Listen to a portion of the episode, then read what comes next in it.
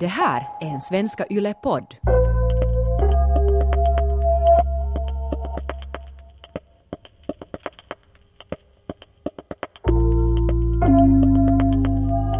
Vi har fått kritik, Axel. Mhm, För imperfekt. Okej. Förra säsongen. Det var en lyssnare som hörde av sig. Hur vågar någon?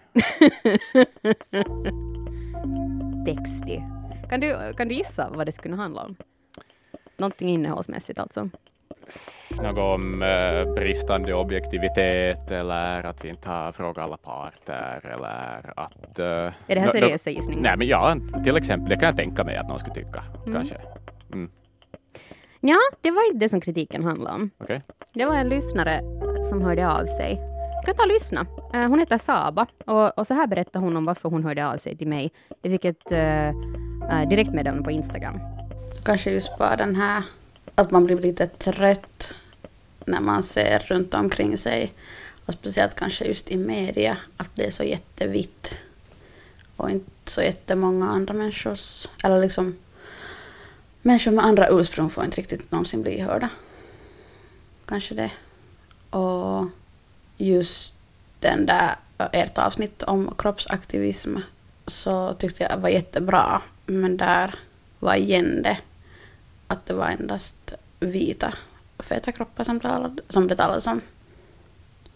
Och det kändes sådär att mhm, det här skulle inte kanske varit så svårt att ta in något annat Mm. också. Och det är tröttsamt att alltid måste relatera till vita människor. Men vita kan, det känns ibland som att det är jätteproblematiskt åt andra hållet. Men så typ det. Och därför hörde jag mig. Solid point. Mm. Jag tyckte bara det var intressant just för att eh, hon pratar ju där om till exempel vår diskussion um, om uh, body positivity, kroppspositivitet. Och det var faktiskt sådär när jag snackade med henne så var jag så att ja, det är sant att under hela den diskussionen som vi bandade in, och då tänker jag helt alltså hur är jag när jag pratar med dig, inte när jag Mm. intervjuar någon, um, så, så just på något sätt kunde relatera till det ämnet och jättemycket ur mitt perspektiv. Mm. Men att det fanns inte riktigt på kartan att jag ens tänkte på den här extra dimensionen, att ja, det finns ju faktiskt också de som, som eh, kanske känner ett visst komplex på grund av sin kroppsform, Mm. plus sin Precis, hudfärg. Precis. Och det är faktiskt det som jag vill fokusera på idag. Jag har försökt konkretisera det här, för det var faktiskt en ny insikt som jag fick via Saba när jag pratade med henne, Mm. om just det här att det är så otroligt lätt att fastna i sitt eget perspektiv. Till exempel är jag sådär smärtsamt medveten om att, att eh, du som vit man har mer privilegier än jag. Mm. Men ganska sällan som jag tänker på att jag har mer privilegier än till exempel då Saba. Mm. Men därför ska vi idag, jag tänker mig att det här blir nu tema Check our privileges. Ooh.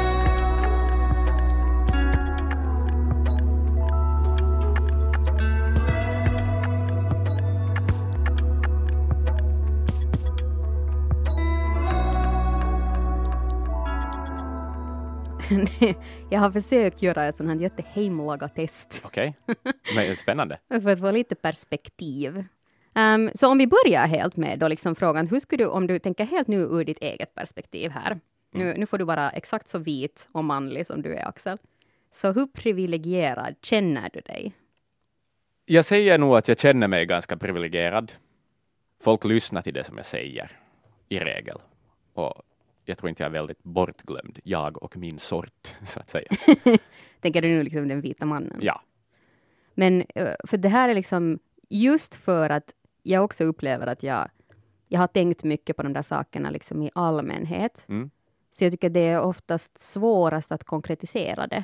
Att, Mm. att en sak att säga att jo, jag känner mig nog privilegierad, men i vilka situationer? Liksom, vad, Ja, ja, för här tänker jag också att kanske det, där är det en skillnad på känner jag mig ja. privilegierad och vet jag om att jag är privilegierad?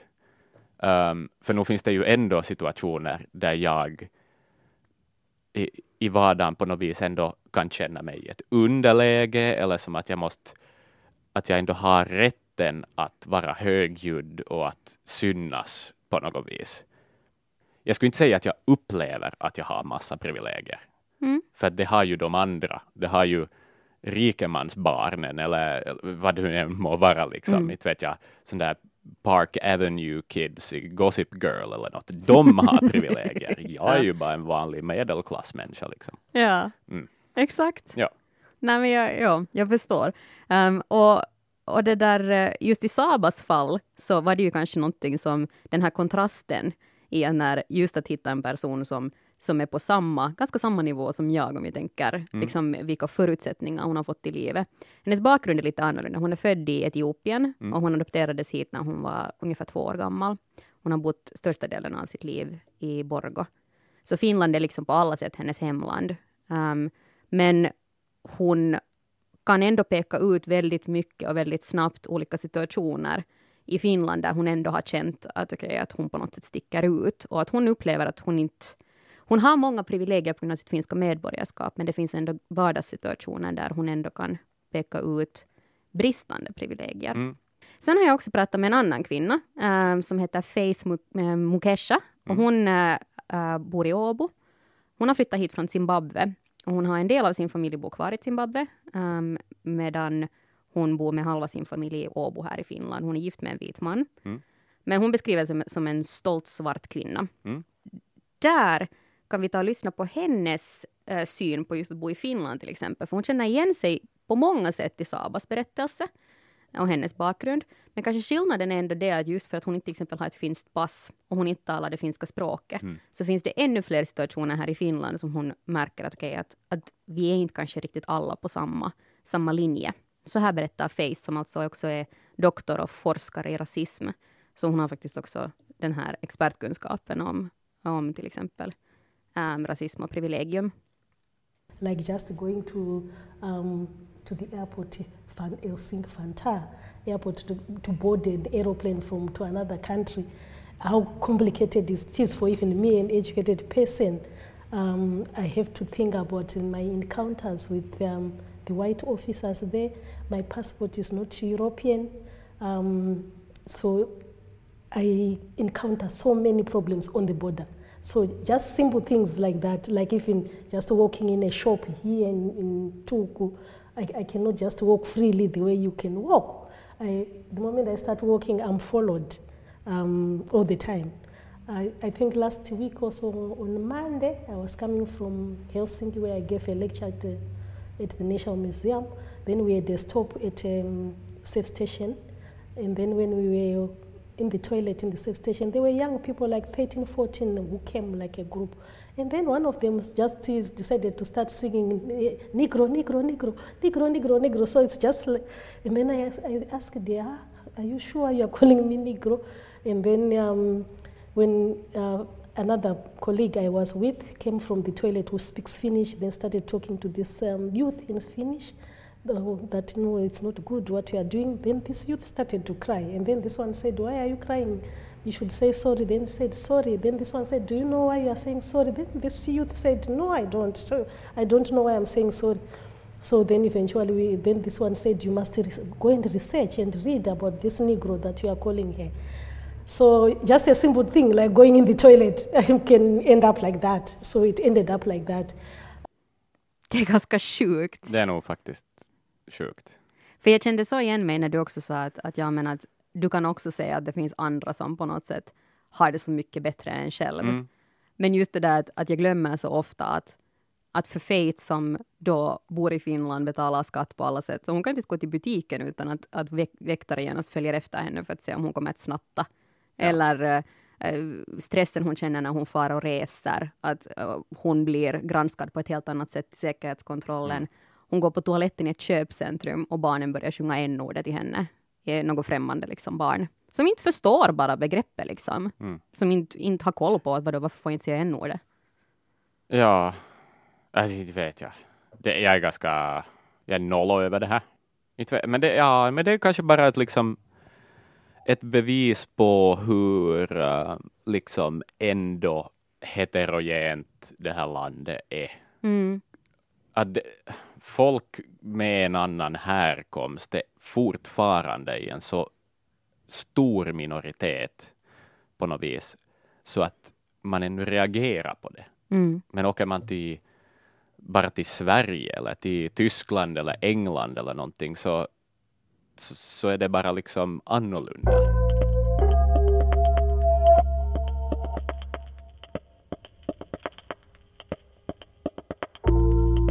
Så därför, jag tänker att, att lite att vända bara på det här, liksom att vrida hjulet på något sätt, så, så har jag då gjort mitt ganska um, väldigt förenklade test för att kolla liksom, har du koll på dina egna privilegier här i Finland? Mm. Uh, och det här har jag gjort tillsammans med då Sabas och Fates berättelse. Så steg ett för att kolla dina privilegier. Um, det här kanske det ett ganska enkelt steg, men det är också det enda som skulle kunna räcka. Och det är egentligen att kolla din hudfärg. Okej, jag ska titta. Den är ljus. Så här berättar Faith. I think the simple t- test is that you should just know that if, um, all the structures are set, are, struct- are set up in such a way that a white person should find access. So it's easy access. And um, if you become aware that uh, you don't struggle in any way, you, whenever you want to go anywhere, you just go. Whenever you want to eat anything, you just eat. In hospitals, you just go. Um, this world is not like that. I think um, Finland is a very difficult place. I was talking to my son, my son that um, they were born in Africa and now we live here with them.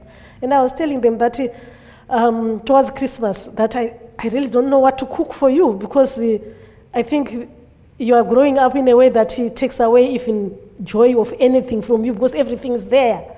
Because as, uh, then he was saying, what? They said, us, the Christmas would have been happy that we are going to eat rice and chicken. So we would be looking forward to this Christmas. We are going to eat rice and chicken. We are going to wear a new dress or a, a new clothes because it's something that you don't get. So here now you have everything. So you have, not, you have no idea of even lacking anything.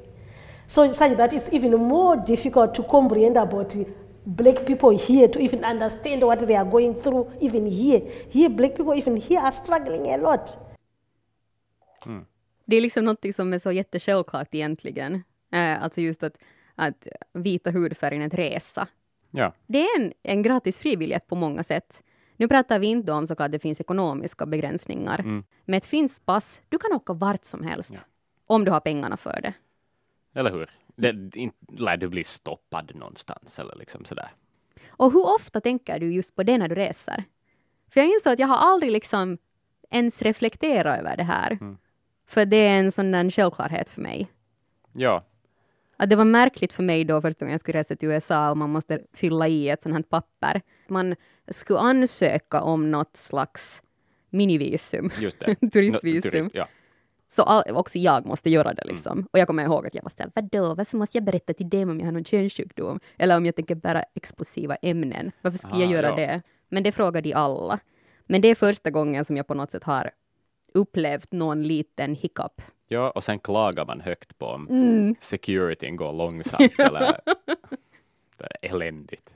Men just det här att okej, så det är en, en frivillighet i sig, bara vår vita hy, att vi slipper ganska många hinder bara på grund av det och vårt finska pass. Och sen det här som att hon har ändå förståelse för att det här är ett jättesvårt ämne för dig och mig att sitta här och greppa, för vi har aldrig upplevt att sakna någonting egentligen. Nej. Eh, såklart det finns fattigdom i Finland, men det finns ett ganska eh, stort säkerhetsnät ändå. Att det finns någonstans någon backup av staten, Mm. något stödsystem. Ja, Så eh, det är absolut ett, det första steget, att kolla våra privilegier. Att bara liksom, okej, att, att inse att vita hyn alltså absolut räknas Mm. eh, i större perspektiv. Så det är liksom step one. Step two. Um, det här är liksom kanske att se runt omkring dig. Um, är du den som... du Jag gör det på ja. riktigt. det var du och jag här. jag vet. Känner du dig udda? Eller är du den, ehm, hittar du någon annan som sticker ut i gruppen? Det här är kanske lite då ett exempel för just dig och mig nu här när det bara är du och jag i Men jag förstår studion. vad du menar. Ja. Eh, men för att återkoppla då kanske till Sabas kritik eh, här i början, så har jag kanske aldrig reflekterat särskilt aktivt på att jag behöver någon annan med samma hudfärg för att jag ska känna igen mig i Nej. det. Mm, precis, ja. För jag har aldrig riktigt behövt det. Nej, det är ingenting jag går omkring och tänker på att jag saknar, om vi säger så. Och det här liksom när du behöver det, när du just upple- upplever ett sånt utanförskap på grund av hudfärg. Så det kan bli ganska komplicerat i längden. Till exempel för Saba då som sagt, som har vuxit upp i en totalt vit omgivning, som typ den enda svarta. Så för henne ledde det faktiskt att hon beskriver det lite som att hon har en jättestor del av sitt liv gått omkring och låtsats vara vit. Mm. Så här förklarar hon.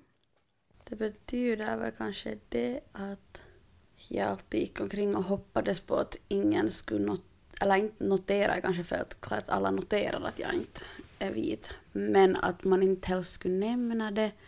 Eller om någon nämnde det så kunde det kännas jättepinsamt och generat och sådär. Shit, att okej. Okay, att hur ska vi nu gå förbi den här stunden? Uh, Fanns det, tänker du, genast på något exempel när du beskriver det sådär? No, allt från att någon kompis frågar om den kan låna foundation av mig. Och jag bara sådär, uh, no, jag tror inte att det passar på dig. och sen är det bara så här, ja just det ja, okej.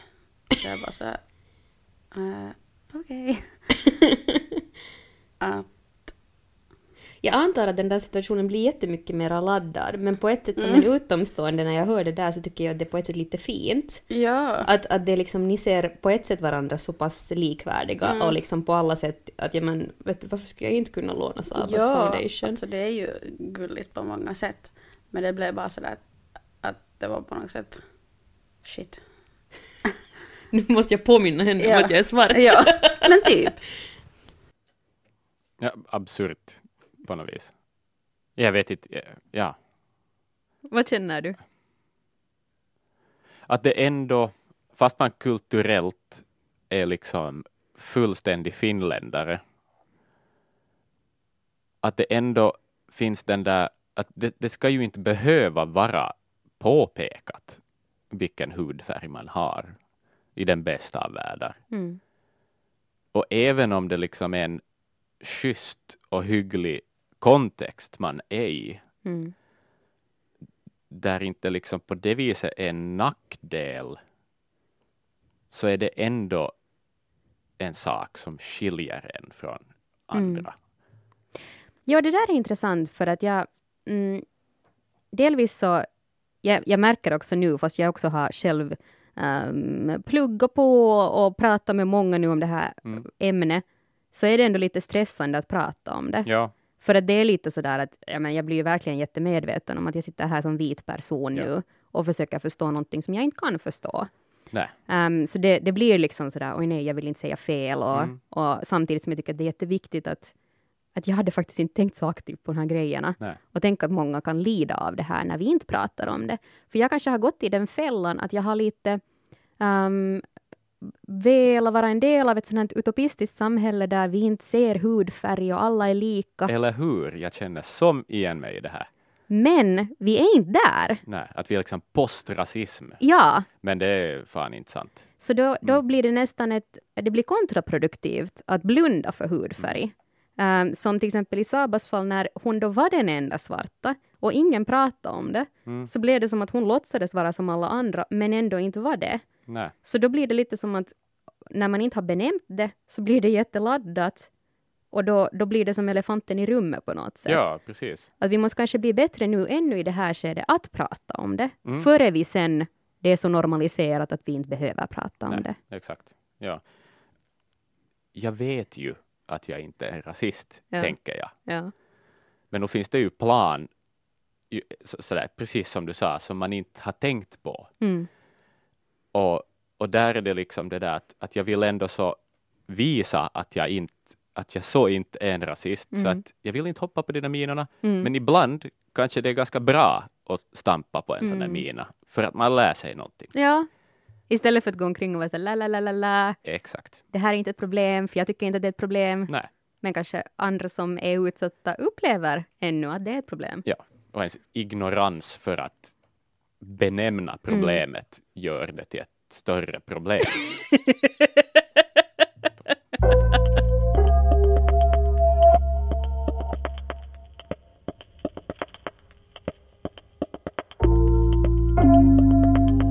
det, det, är spännande också i det här ämnet, det var en, när jag då liksom började läsa mer om det så ehm, så kommer vi faktiskt till nästa steg i det här, att var är du i den historiska pyramiden? Och det finns ett ens- engelskt ord som inte riktigt ännu har på svenska ett motsvarande, som heter racial hierarchy. Ehm, som enligt en forskare som jag frågat vad ska jag använda för ord, sa att du kan nog använda rashierarki. Och, och här är det en också intressant grej att socialt sett så kan vi säga ras, för att det finns skillnader i vårt samhälle mellan hur vita och svarta, eller vi, vita och icke-vita behandlas. Eh, men där är liksom att det är inte samma sak som att mena att det då är biologiska skillnader. Det är inte Herman Lundborg ras vi talar om. Nej, och han var en sån där som Ja, tyckte att att vi är olika Ja. biologiskt sett, ja. Precis. Eh, så rashierarki då eh, kan vi säga, fastän det, det var ett ord som man hittade på när man trodde och tyckte att det är då biologiska skillnader. Men idag kan vi ännu se att det finns spår av det i vårt samhälle socialt sett. Mm. Att just till exempel då Saba och jag behandlas annorlunda i olika situationer. Faith kan förklara lite om hur det här ännu, vi ser de här mönstren ännu i vårt samhälle och det är en jätte, jätte gammal eh, regel som hittades på då när liksom de vita reste ut och startade kolonier, till exempel i, i Afrika. Så här berättar Faith. So if you look at the racial hierarchy, you have white men on, on the top, then you have white women and children, then you have different other races, and then to the lowest, then you have black men, and then lowest, black woman. Um, so that hierarchy is like that. So in between, we have the other races, and even the brown, usually brown, like from mixed um, 50%, 50%, or 30, and so forth. They are in between there. So the lowest, eh, the lowest, lowest, the mostly oppressed of by everybody is the black woman. Even the black man also oppresses the black woman. And that's why we say that um, it is only the black woman who can talk about her issues. Så det här är liksom steg tre, att veta var är du i den här pyramiden. Jag är högst upp. Du är högst upp. Mm. Och det är intressant, för jag har alltid vetat att du är högst upp. Mm. Eller den vita mannen är högst upp. Ganska sällan jag tänker på att jag är näst högst upp. Mm. Ja, och inte är det ju som att jag, jag vill tänka på att jag är högst upp heller. Det är inte så att då jag vaknar på morgonen det så här, yes, ännu en dag på toppen. Liksom att, att det här är ju obekväma, obekväma sanningar som vi talar om ändå. Ja. Ehm, Oj, vad du blev obekväm. ja, nej men det här just, att på något vis har jag tänkt sådär, ja men vi är förbi rasismen redan liksom. Jag behöver inte tänka på det här mera. Ja. Men det är ju en sån här trygg liksom, tanke. Det är ju bara för att man ska känna sig lite bättre egentligen att tänka att jag är så liberal så att rasismen inte ens finns mera. Ja. Men det är ju inte sant. Det är ju bara ett sätt att skyffla problem under mattan. Mm. Och, och just det där att, att jag då liksom, för att återkoppla till just min tanke från början, varför jag till och med blev på ett sätt överraskad av Sabas kritik, Mm. eh, varför hon hörde av sig, var ju just det att inte, inte tänker jag så ofta på hur bra ställt jag har det. Jag är där näst högst upp med dig. Mm. Om jag vänder frågan så här till dig då. ehm, jag, tycker, jag tycker så om den här obekväma känslan som du odlar här. Mm. Så vi kan lite, lite, lite mjölka den ännu mer. Okej. När insåg du att du är vit? Oj, vilken svår, svårbesvarad fråga. Jag vet inte, det har nog, jag, jag skulle inte ens säga att det finns en, jag kan inte sätta fingret på en dag eller en, ens en ålder. Um, nej, jag har bara varit, jag har bara levt. Det är just det sjuka att, men jag, jag har ju helt samma som du. Mm. Så då blir det ju lite ögonöppnande när jag pratar med Saba om det här, där hon kan räkna upp så många situationer när hon har insett eller blivit påmind av omgivningen att hon inte ser ut som alla andra. Ja, no, skolan är kanske ett sådant ställe var det blir var sånt kan bli ganska tydligt. Men till exempel skolfotografering. äh, när vi skulle ta klassfoto, den där gruppbilden, så, äh, så stod jag framför en som hade väldigt mörka kläder. Och då, och sen när fotona kom ut, det är ju jättekomiskt nu, men då kändes det ganska pinsamt. Så när fotona kom ut och man fick dem hem så såg det ut som att jag inte hade något hår för att fotografen inte hade belyst eller försökt korrigera Så att liksom det skulle finnas någon nyansskillnad mellan mitt hår och den här människans kläder. Så sånt. Vad tänker du där då att det borde ha varit i liksom själva fotograferingstillfället eller då i den här efterbehandlingen av bilden? Att hur skulle...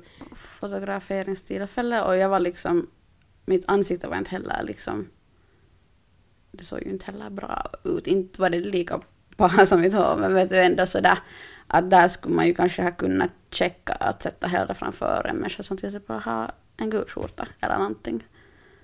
Så det var kanske en sån där men har du någonsin då ändå fått höra av omgivningen? Jag menar, vi pratar om vardagsrasism och sånt, så det har ju Mm. kommit sen åtminstone senare också i livet.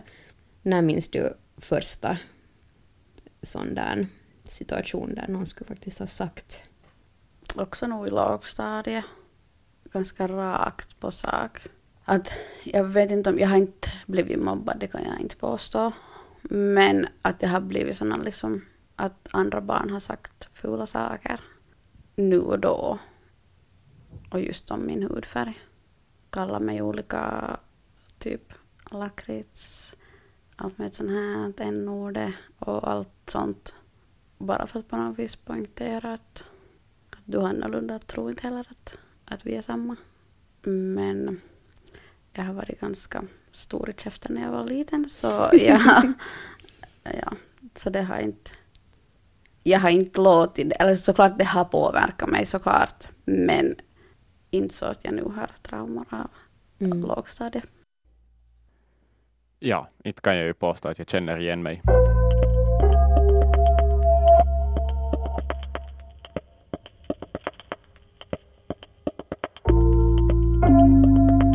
Steg fyra i MYs megaheimlaga-test. Mm.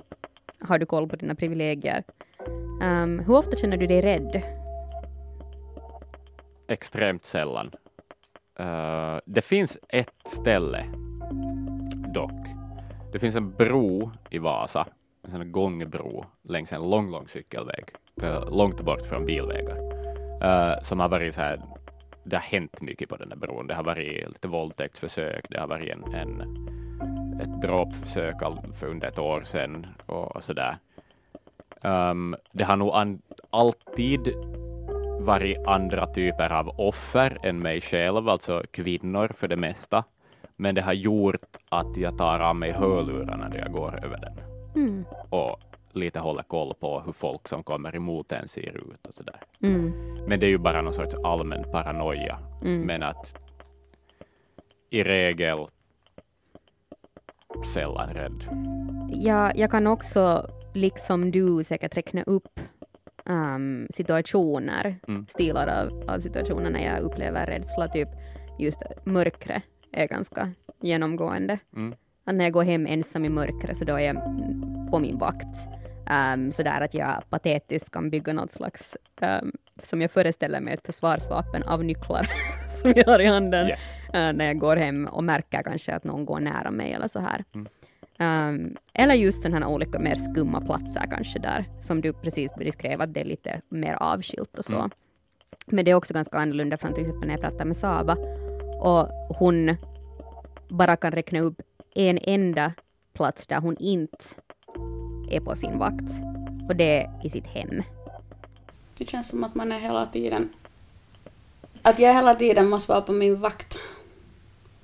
Och det, kommer, alltså det gäller allt från att gå hem från tågstationen till att äh, stiga in i olika rum när det kommer till jobbet. Att typ tänker folk på det att jag är svart och vad har de för tankar, liksom sådär att vad bär de på för fördomar kring det. Och typ när jag går hem från en tågstation eller något sånt så så då är det nog typ, jag tar inte kontakt, ögonkontakt med någon. Jag tittar ner, går raska tag och har typ telefonen i handen. i hopp om att ingen reagerar på mig. Försöker vara så osynlig som möjligt. Och vad är det du känner då? Liksom, vad är rädslan då när du går hem från tågstationen? Att, att någon ska bli provocerad av mig. Ditt utseende? Mm. Har det hänt? Mm, ja. Det har det nog. Det känns som att det händer alltid då när man inte tänker att det ska hända.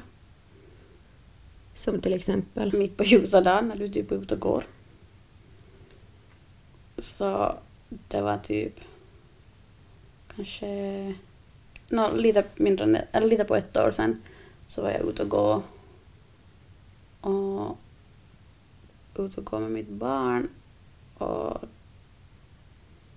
jag, jag skuffade på en vagn och sen så gick vi i östra Helsingfors och så såg jag någon meter framför mig att där är nu en liten skummis som tittar på mig väldigt mycket. Och jag kände hela tiden att han ögade mig och det var jätte sådär. Jag visste att det är nu, ja, att han stirrar för att han har ett problem med mig. Och jag kunde känna det redan liksom 50 meter före jag liksom kom till honom. Sen kom den där stunden då jag gick förbi honom och så frågade han om mig att kan du finska eller pratar du finska? Så sa jag ja. Och sen så sa han att ja, vad är det med er? Ja, vad är det med er och varför kommer du hit och lagar en massa barn och sen tar våra pengar? Att kan du inte vara någon annanstans och göra det? Så sa jag Alltså jag, borde, jag, jag blev ju att tjafsa med honom, det var ju jätteonödigt men... uh, det kändes nog säkert som en längre stund än vad det egentligen var. Men så sa jag till honom att, att jag har bott här i över 20 år. Att jag har lika mycket rätt att vara här som du har. Uh, och sen så sa han att nej, här har du. Alltså det var så, han var så barnslig. Uh, Hur gammal var han? Typ? 60 plus typ. Va? Ja. Okej. Och så tänkte jag att han, eller liksom efteråt var jag bara så att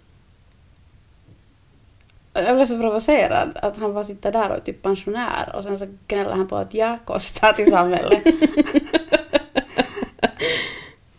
uh, ja, nej ja. Men ja, så, så sa jag till honom att jag, att jag har liksom lika stor rätt som du att vara här. Och så sa han att inte har du alls att så sa jag att vad är det som gör dig finsk men inte mig? Så sa han att titta dig i spegeln, att det är ganska självklart. Och så sa jag att satan är rasist. och sen så svängde jag om. Men sen var jag så skiträdd att han skulle komma efter mig. Och det var ju, jag borde inte börja tjafsa, speciellt inte när jag hade ett litet spädbarn med mig. Men det var som att det, var inte, det var som att det inte var jag som sa det, utan det bara kom. Och sen så typ småsprang jag iväg eller sådär, joggade typ iväg. Och tittade bakom mig och var helt... Ja, sen tog jag bussen hem. För att jag var typ rädd att han skulle... Ja, inte vet jag komma efter.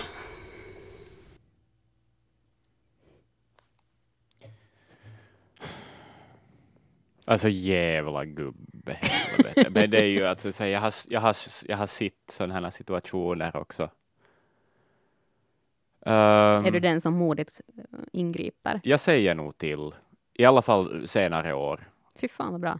um, att just om, om det liksom sker så att jag kan säga till, att jag på riktigt är i Mm. närheten, att, att liksom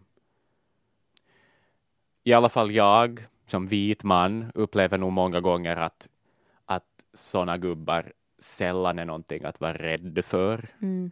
utan nå, oftast så är det superuter Mm. som är, har gett upp på livet och bara är arga på sig själva och säger det åt andra. Jag är nog jätterädd för sådana explosiva konflikter när det är människor jag inte känner. Mm. Att jag har mycket lättare liksom om det, eh, säg att det skulle, om det skulle eventuellt hända, um, jag vet inte, i något sammanhang där du känner människor lite mer, på en Mm. fest eller någonting sånt. Ja. Sådär. Mm. Men just att på gatan ingripa så, så, eh, så skäms jag lite över att min rädsla ofta har tagit över. Det är inte jätteofta. Jag tänker aktivt på att ah, jag borde nog bli bättre. Liksom, Mm. Ja. Jag borde vara en av de här som hjälper och räddar andra i situationer. Men, men jag, jag är nog inte så modig. Nej. Men jag menar, jag, jag tänker nog bara då, om jag nu är där på toppen. Vad fan. Liksom. Är Hur, ju- hur skulle jag kunna leva med mig själv i så fall? Men Inte här, säger jag att jag har gjort det varje gång, absolut Mm. inte. Jag säkert, liksom, in, inte jag någon jävla helgon, liksom. men att, att då tillfället känns rätt och då Mm. det känns som att jag inte sätter mig själv i någon risk, så säger jag till. Mm. No, det är lite det där att jag, jag har nog just fastnat lite i det som, som eh, du var redan inne på, att jag liksom är ganska fokuserad på att sparka ur underläge. Ja. Att jag är där i den här liksom, jag är i topp tvåan då, den Mm. här historiska pyramiden. Um, men jag är ganska fokuserad på det jag inte har i förhållande till dig istället för att um, tänka större. Mm. Och, och det är någonting som Faith faktiskt lite called me on. Um, ja, hon, eh, hon har problem med vita feminister. I actually, what I have a problem with white feminism because they are fighting for their rights within the for their equality within within the white supremacist structure. In other words, they want to be equal to the The white men. to the white men. The time also, even in events, they, they are quickly able to, th- to think about sexuality, se- equality. They are able to think about trans issues. They are able to think about class issues, but race does not quickly click. So that's where again that white privilege comes in. That they are interested in maintaining white privilege. If you look at it, at the Hillary Clinton's uh, campaign, it was about uh, breaking the ceiling. Breaking the ceiling. Who is breaking the ceiling? The white woman. Um, and who voted for, for Hillary Clinton? It was black women. White women, whom did they vote? They vote the president who is there now. So why? Because uh, they were more interested about uh, protecting the pri- white privileges of money. I think for them it was more, he knows about business, so it means the economy will be okay. And all the racist things that the person was saying, they, it- they didn't mean anything to them. Sa hon just att vit feminism finns till för att skydda det vita privilegiet för Mhm. alla? Uh, Hårt. det är hårt. Det är ju ett sätt att se på det. Jag menar, Mm. jag tänker ju inte liksom aktivt på att jag slåss för min vita rätt. Mm. Men sådär samhälleligt mässigt så, så ja, jag menar, jag är fokuserad på att här i Finland då liksom eh, lika lön för alla, lika lön för arbete. Men det betyder ofta lika lön, eh, samma lön för dig och mig. Eh, Exakt. och, och jag kanske inte alltid Um, nu har jag ju inte så mycket makt att jag kan säga Mm. att jag är den skyldiga här, men jag, jag kan nog medge att, att jag har bara inte kanske tänkt alltid i så stora perspektiv. Mm. Men jag tyckte det var Jag ganska bra exempel med USA, för det stämmer Ja. ju. Alltså just att, att det var svarta kvinnor, som, eller icke-vita, som röstade på Hillary Clinton, Mm. som ville uh, söndra glastaket för den vita kvinnan, medan vita kvinnor röstade på Trump för att han är en bra ekonom och han kommer att sköta om ekonomin och se till att, att, att de alla får liksom fortsatt lika höga löner som förr. Mm. Så det är ju, det, det är ju nog en väldigt krass syn på Ja, det här, ja, ja. men nu finns där en, en sanning i det. Jag älskar att du blev ändå nu lite upprörd av det här, om jag läste det rätt. Alltså, Eller det, det var, det, var, det var, det var ett, ett provocerande sak att säga. Det var det. Uh, för att, liksom, ändå, kom igen, det är ju rättvisa det, liksom på det viset. Inte, står inte feminism för rättvisa? Mm. Men kanske i praktiken inte alltid. För nu, om du tyckte det här var provocerande, Okej. nu, nu kommer slamdanken. nu lyfter vi det ett steg till i provokationsnivå. Okej. Är du redo? Låt det komma. I think that's another problem that I find with white feminists that they, they care about animals more than they care about black people. So they will be more concerned about a dog, but not concerned about me as a person. jag skrattar åt, åt din, att du håller på att Jag liksom, gå sönder. jag har ett tyst reaktion här, men, men mitt ansikte och mina händer håller på att göra saker. Försök hitta ord. Alltså, det jag vill säga är väl eh, ja. nu är det väl så. Eller liksom, Känner du dig träffad? Är ja, Ja. jag gör det. Jag tänker nog, jag tänker nog mera på djur. Alltså, jag har katter hemma, Mm. jag är vegetarian. Ehm, jag känner mig så falsk. Jag känner mig så falsk. Va? Nej men det är helt sant. Vad är jag för en jävla liksom posör som tror att jag kan rädda världen, men det är en sån här naiv liten snöflinga som är omedveten med mina egna jävla privilegier och är okapabel att begripa att jag i varje dag jag lever gör jag livet sämre för någon annan. Nej men, Nej men det är lite det jag upplever nu. vadå? Hur, inte gör du ju det aktivt. Nej, men just det där att jag bara inte vet det. För jag är sådär, min bild av mig själv är att jag är en, jag är en bra typ. Hej, jag kan vara man och jag kan vara medveten om att feminism finns. Jag vet att jag inte är rasist. Liksom allt det här, och så bara klappar jag mig själv på axeln och inbillar mig att allting är bra och att jag har rätt att göra allt det där som jag vill göra, för att åtminstone är jag ju bra på de här fronterna och på något vis ta det som någon sån här argument för en massa annat där jag de facto bara är självisk och tänker på mig själv. Vad, men du berättade ju just att du går in och ingriper i Ja, vardagslivet. jo, sant, sant. Men ja, okej, jag driver ju saker till sin spets förstås, men det här är liksom, li- det är lite tankarna som flyger här Du nu. blev så uppgiven, jag var säker på att du skulle börja gråta. Men det var ju, det var ju, ehm, det Men var, det var- effektiva ord. Det var effektiva ord. Det var hårt när hon sa det där så jag kände också en sån örfil i face. Um, och jag försökte på något sätt i desperat sån här uh, rädda mig själv-läge i diskussionen med henne prata om just det att, att men det handlar om att, att säkert att att jag känner mig lätt överväldigad av alla problem i världen. Mm. Så, så jag, kan inte, jag kan inte rädda hela världen. Jag är en människa och jag har jättelite makt. Jag är inte liksom eh, någon president eller politiker eller så här. Um, så jag måste välja något fighter. Så jag väljer väl de som då ligger närmast som jag kanske upplever att jag också kan påverka. Ja. Men för någon som då lever varje dag i förtryck och som liksom inte kan gå på toan utan att få höra att föra n-ordet så var hon sådär, "My, det är inte jättebra argument Men- för mig. Men jag tror ju nog att det här bottnar också i att jag menar, du har fler hundar i ditt liv än vad du Mm. har svarta kvinnor. Det är helt sant. Och detsamma gäller mig. det här, jag kände också sådär att, att det är viktigt, som jag både pratade med Saba och Faith om, att den här diskussionen handlar ju nu inte om att vi ska börja må så jävla dåligt över att vi har det så bra. Nej, För det, ingen vinner ju på det. Nej jag, jag känner inte mig som en vinnare just nu.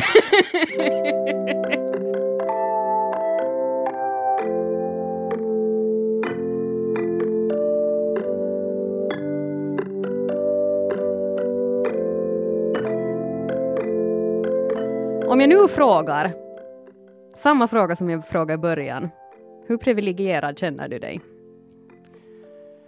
Jag sitter på en eh, vit häst i en silverrustning på toppen av det högsta berget på toppen av en pyramid.